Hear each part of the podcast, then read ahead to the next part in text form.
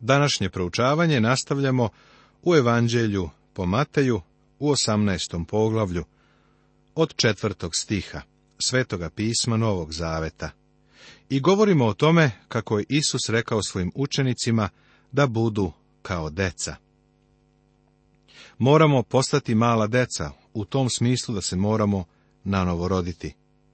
Kada se nanovo rodiš, započinješ duhovni život kao dete. Nažalost, mnogi ljudi ne uviđaju svoju duhovnu nezrelost. Kada sam bio pastir jedne velike gradske crkve, iznenađujuće je koliko sam zahteva imao od takozvanih novih obraćenika koji su željeli da dođu i daju svoje svedočanstvo. Smatram da je ovo u osnovi isto što i prepirka među učenicima o tome ko će biti najveći u carstvu nebeskom.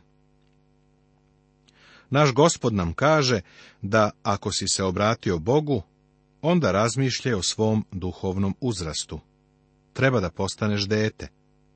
Da li jedno dete treba da ustane i da odmah izbrblja svoje svedočanstvo? Da li jedno dete treba da bude službenik u crkvi? Nabrajajući osobine starešine u crkvi, apostol Pavle izostavlja Novajlije. Ne, novoobraćeni, da se ne naduje i padne pod đavolsku osudu. Ovo je zapisano u prvoj poslanici Timoteju, u trećem poglavlju, u šestom stihu, svetoga pisma Novog Zaveta.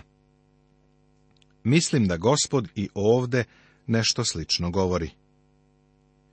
Koji se dakle ponizi kao ovo dete, taj je najveći u carstvu nebeskom.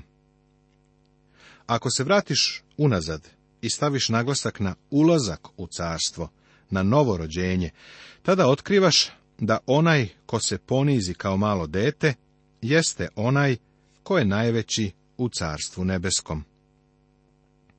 I ko primi jedno takvo dete u moje ime, mene prima. A ko sablazni jednog od ovih malih koji veruje u mene, bolje bi mu bilo da se ovrat njegov obesi magareći žrvanj i da potone u dubini morskoj. Reč sablazni znači prouzrokuje da posrne, odnosno da uvede u greh. Isus vrlo oštrim jezikom upozorava na ovo. Čini mi se da ono što on radi u ovom odeljku ima nameru da stavi božanski imperativ na evangelizaciju dece. On smatra da je za dobijanje dece glavni prioritet. Pohvaljujem sve one koji danas rade sa decom. Ništa drugo nije tako važno. Ima jedna priča o Dvajtu Mudiju i o tome kako se jedne večeri nakon bogosluženja vratio kući. Porodica ga je pitala koliko je obraćenika imao te večeri, a on je odgovorio dva i po. Porodica je uzvratila, o znači imao si dva odrasla i jedno dete, koje je prihvatilo Hrista kao spasitelja. A Mudi odgovorio, ne, ne, dvoje dece i jedna odrasla osoba su prihvatili gospoda. Nastavio je, odrasli je bio jedan stariji čovek, koji je mogao da da samo pola svoga života. Zato je on samo pola obraćenika. Deca su važna. Jedan pastir škotske crkve je pre dosta godina podneo ostavku. Kada je to učinio, starešine su ga pitale za razlog. Pa odgovorio je on, u protekloj godini sam imao samo jednog obraćenika, i to je Bobi Moffat. Bobi Moffat je bio posle čovek koji je otvorio Afriku za misionarski rad. Bila je to najveća godina koju je taj propovednik imao. U ovim stihovima gospod veliki akcenat stavlja na decu. Teško svetu od sablazni, jer moraju sablazni doći, ali teško čoveku čijim posredstvom sablazan dolazi. Ako te tvoja ruka ili tvoja noga sablažnjava, odseci je i baci od sebe. Bolje ti je da uđeš u život kljasti hrom, nego sa dve ruke ili dve noge, a da te bace u oganj večni ne znam ni za šta neprijatnije od ovih stihova. A ako te oko tvoje sablažnjava, izvadi ga i baci ga od sebe. Bolje ti je da s jednim okom uđeš u život, nego s dva oka da te bace u pakao ognjeni. Gledajte da ne prezrete jednog od ovih malih, jer vam kažem da njihovi anđeli na nebesima stalno gledaju lice moga oca koji je na nebesima. Gospod nam govori da ne smemo da preziremo ove malene. Kada neko od njih umre, njegov duh odmah odlazi da bude sa Bogom. Svi maleni odmah odlaze u nebo, prijatelju. Ako si izgubio nekog mališana, ovo saznanje će ti biti od velike utehe. Oni odlaze u nebo ne zato što su nedužni ili zato što su tvoji, nego zato što je Gospod Isus umro za njih. O ovome naš gospod ovde govori. Ne sablažavajte ih, ne prezirite ih. Pustite ih da dođu k meni. Čak i ako umru, njihov duh odlazi i prebiva u prisustvu moga oca. Tako mnogo roditelja se pita šta je sa večnošću njihovih mališana. Caru Davidu je ovo bilo poznato. Kada se njegov i Virsevejin sin razboleo, David je bio jako uznemiren i zabrinut za život deteta. O ovome imamo zapis u drugoj knjizi Samuilovoj, u 12. poglavlju, od 15. do 23. stiha Svetoga pisma Starog Zaveta. Postio je i plakao i cele noći ležao na zemlji. Ali, kad je dete umrlo, David je ustao, okupao se, promenio odeću i otišao u dom gospodnji i poklonio mu se. Njegove sluge su bile zbunjene takvim postupkom. I David je to ovako objasnio. Dok dete bejaše živo, postio sam i plakao jer govorah, ko zna, može se smilovati gospod name da dete ostane živo. A sada umrlo je, što bih postio? Mogu li ga povratiti? Ja ću otići k njemu, ali se on neće vratiti k meni. David je imao pouzdanje da će jednoga dana biti sa detetom. Ovo je tako dragocena istina. Mnogi ljudi su izgubili decu. I ja sam jedno izgubio, moje prvo dete. Sahranili smo je ovde, u Altadeni u Južnoj Kaliforniji. Povremeno odem i na njen grob stavim cveće. Ali ona nije tamo, ona je sa Hristom. Ali ja tamo odlazim, jer je to sve što mi je sada preostalo od nje. Međutim, jednoga dana, jedne zlatne sutrašnjice, otići ću u nebo i tamo ću vidjeti moje dete. Ona je spasena. Imam dvoje dece, jedno u nebu i jedno ovdje na zemlji. Priznajem da sam mnogo više brinuo za ovo koje je ovde, nego za ono dete u nebu.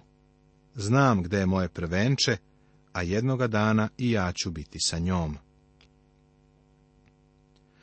Vrlo je važno da zapazimo kakva osjećanja ima gospod prema deci. Posebno u naše vreme, kada se deca tako puno zlostavljaju i kada se protiv njih mnogo greši. Nedavno sam čitao o jednoj majci i po očimu, koji su pored autoputa ostavili malu devojčicu. Tako je šokantno čitati o tome. Jednostavno su hteli da je se otarase.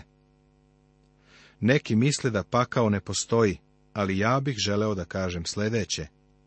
I kad ne bi bilo pakla, jedan bi trebalo izmisliti radi ovakvih ljudi. Ali pakao postoji. Gospod koristi najoštri jezik kada upozorava na sablažnjavanje dece.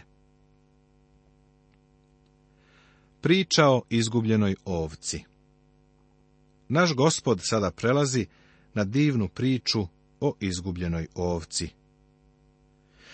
Jer sin čoveči je došao da spase ono što je izgubljeno. Ova priča je drugačija od priče o izgubljenoj ovci iz Evanđelja po Luki iz 15. poglavlja Svetog pisma Novog Zaveta. Ključna reč za ovu priču je reč spase. U Evanđelju po Luki u 15. poglavlju naglašeno je da se pronađe ono što je izgubljeno, a u Evanđelju po Mateju u 18. poglavlju u ovom našem stihu da se dakle spase izgubljeno. Šta vam se čini? Ako neki čovek ima sto ovaca, pa jedna od njih zaluta, neće li ostaviti 99 u gorama i poći da traži zalutalu? I ako se dogodi da je nađe, zaista vam kažem da joj se raduje više no onim 99 koje nisu zalutale.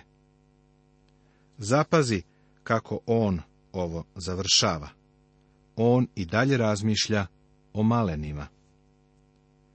Tako nije volja Oca vašega nebeskog da propadne jedan od ovih malih. On će brinuti o njima sve dok ne postanu odgovorni. Ali vi, roditelji, imate odgovornost da ih dovedete Hristu.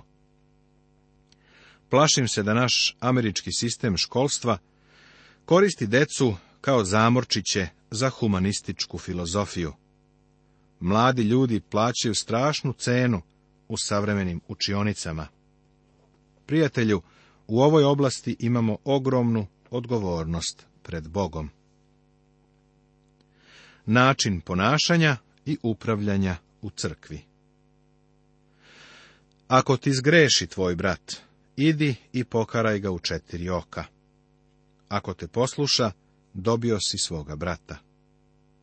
Ako on zgreši tebi, ti treba da odeš k njemu. Ovaj stih govori o grehu koji je počinio vernik. Onaj ko je povređen, dužan je da priđe bratu koji ga je povredio, a ne obrnuto. Ako pak ne posluša, uzmi sa sobom još jednoga ili dvojicu da se ustima dvojice ili trojice svedoka utvrdi svaka reč. A ako njih ne posluša, kaži crkvi. Pa ako ne posluša ni crkvu, neka ti bude kao mnogobožac i carinik. Ima nekih ljudi koji vole da zataškavaju nevolje i da ih prikrivaju. Ovo nije način koji nam je gospod ostavio. Ako između dva vernika postoji problem, on treba da se reši na ljubazan, miran i tih način. Ako ti ljudi problem ne mogu da reše, onda se on iznosi pred grupu. Ako ni grupa ne može da ga reši, posljednja mogućnost je da se problem iznese pred crkvu, kao pred konačni autoritet. Gospodu zaključku kaže sljedeće o ovoj temi. Zaista, kažem vam, što god svežete na zemlji, bit će svezano na nebu, i što god razrešite na zemlji, bit će razrešeno na nebu. Već smo proučavali kontekst ovoga stiha u Evanđelju po Mateju u 16. poglavlju, gde smo saznali da kada zadržavamo, uskraćujemo reč, onda vežemo na zemlji a ako dajemo Božju reč drugima, onda razvezujemo na zemlji. Opet vam zaista kažem. Ako se dvojica od vas na zemlji slože u svakoj stvari koju zamole, daće im Otac moj koji je na nebesima. Jer gde su dvojica ili trojica sabrani u moje ime, onde sam ja među njima. Ako se dvojica od vas na zemlji slože, u svakoj stvari koju zamole. Da li misliš da će nas uslišiti ako se u bilo čemu složimo? Da, ali obrati pažnju na uslov. Gde su dvojice ili trojica sabrani u moje ime. On će čuti i uslišiti bilo koju molbu koja se upućuje u Hristovo ime, odnosno molbu koju bi i sam Hristos uputio. Ili to možemo ovako reći. Moliti u njegovo ime znači moliti u njegovoj volji. Jer gde su dvojica ili trojica sabrani u moje ime, onda sam ja među njima. Ovo je najjednostavniji oblik crkvene uprave. Kao što je stih 19. nova osnova za molitvu, tako je stih 20. nova osnova za vidljivu crkvu. Prva crkva je ovako počela. Bili su istrajni u apostolskoj nauci i zajednici u lomljenju hleba i u molitvama. Ovo je zapisano u delima apostolskim u drugom poglavlju, 42. stih Svetoga pisma Novog Zaveta. Novi Isusov uslov za oproštenje. Tada priđe Petar i reče mu, Gospode, koliko puta će sagrešiti brat moj prema meni i ja da mu oprostim? Do sedam puta. Petar je mislio da je velikodušan kada je ovo rekao, jer prema rabinima dva ili tri puta je sve koliko je trebalo da oprostiš. Simon Petar je bio spreman da oprosti sedam puta. Ali Petrova velikodušnost je bila oskudna u poređenju sa novom Isusovom procenom. Reče mu Isus, ne kažem ti do sedam puta, nego do sedamdeset puta sedam. To je četristotine i devedeset puta. Do tada bi se stvari kako izgladile. A ako ne, obojca bi dospela u vremešno doba, pa im ovo više ne bi toliko značilo. 490 je vrhunac. O tome govori gospod. Zato je carstvo nebesko slično kralju koji je hteo da se obračuna sa svojim slugama.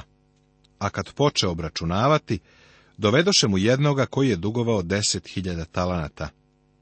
I kako nije imao da vrati, zapovedi gospodar da prodadu njega i njegovu ženu i decu i sve što je imao i da se naplata izvrši. Tada sluga pade i klanjaše mu se govoreći, gospodaru, budi strpljiv prema meni i sve ću ti platiti. Pretpostavljam da je govorio da želi da vrati u ratama. A gospodar se smilova na onog slugu, otpusti ga i dug mu oprosti. Mislim da gospod ovde koristi absurdnu ilustraciju, da bi nam pokazao pravu poentu. Količina novca koju je ovaj sluga dugovao svome gospodaru bila je u milionima. Ovo je baš mnogo novca da se ikome oprosti. Ali onaj sluga iziđe, te nađe jednog od svojih drugova u službi, koji mu je dugovao sto dinara. Uhvati ga i stave ga daviti, govoreći, vrati ako šta duguješ. Sto dinara, to je tako malo novca, uporedi to sa dvanaest miliona. Tada pade pre njega njegov drug i moljaše ga govoreći, ima istrpljenja prema meni i vratit ću ti. Ali on ne htede, nego ode i baci ga u tamnicu dok ne plati dug. Videvši dakle njegovi drugovi šta se dogodilo, ožalostiše se jako, otidoše i obavestiše svoga gospodara o svemu što se dogodilo. Tada ga pozva njegov gospodar i reče mu, zli slugo, oprostio sam ti sav onaj dug, jer si me molio. Zar nije trebalo da se i ti smiluješ na svoga druga u službi, kao što sam se i ja na tebe smilovao? I razgnevi se njegov gospodar i predade ga mučiteljima, dok mu ne plati sav dug. Tako će i Otac moj nebeski učiniti vama, ako svaki ne oprosti od sveg srca svoga bratu svome. Priča o slugi, kome je bilo oprošteno, ali je odbio da oprosti drugome, ilustuje princip praštanja. U ovom odeljku predstavlja se ovaj novi princip, iako on nije osnova za oproštenje za vernike.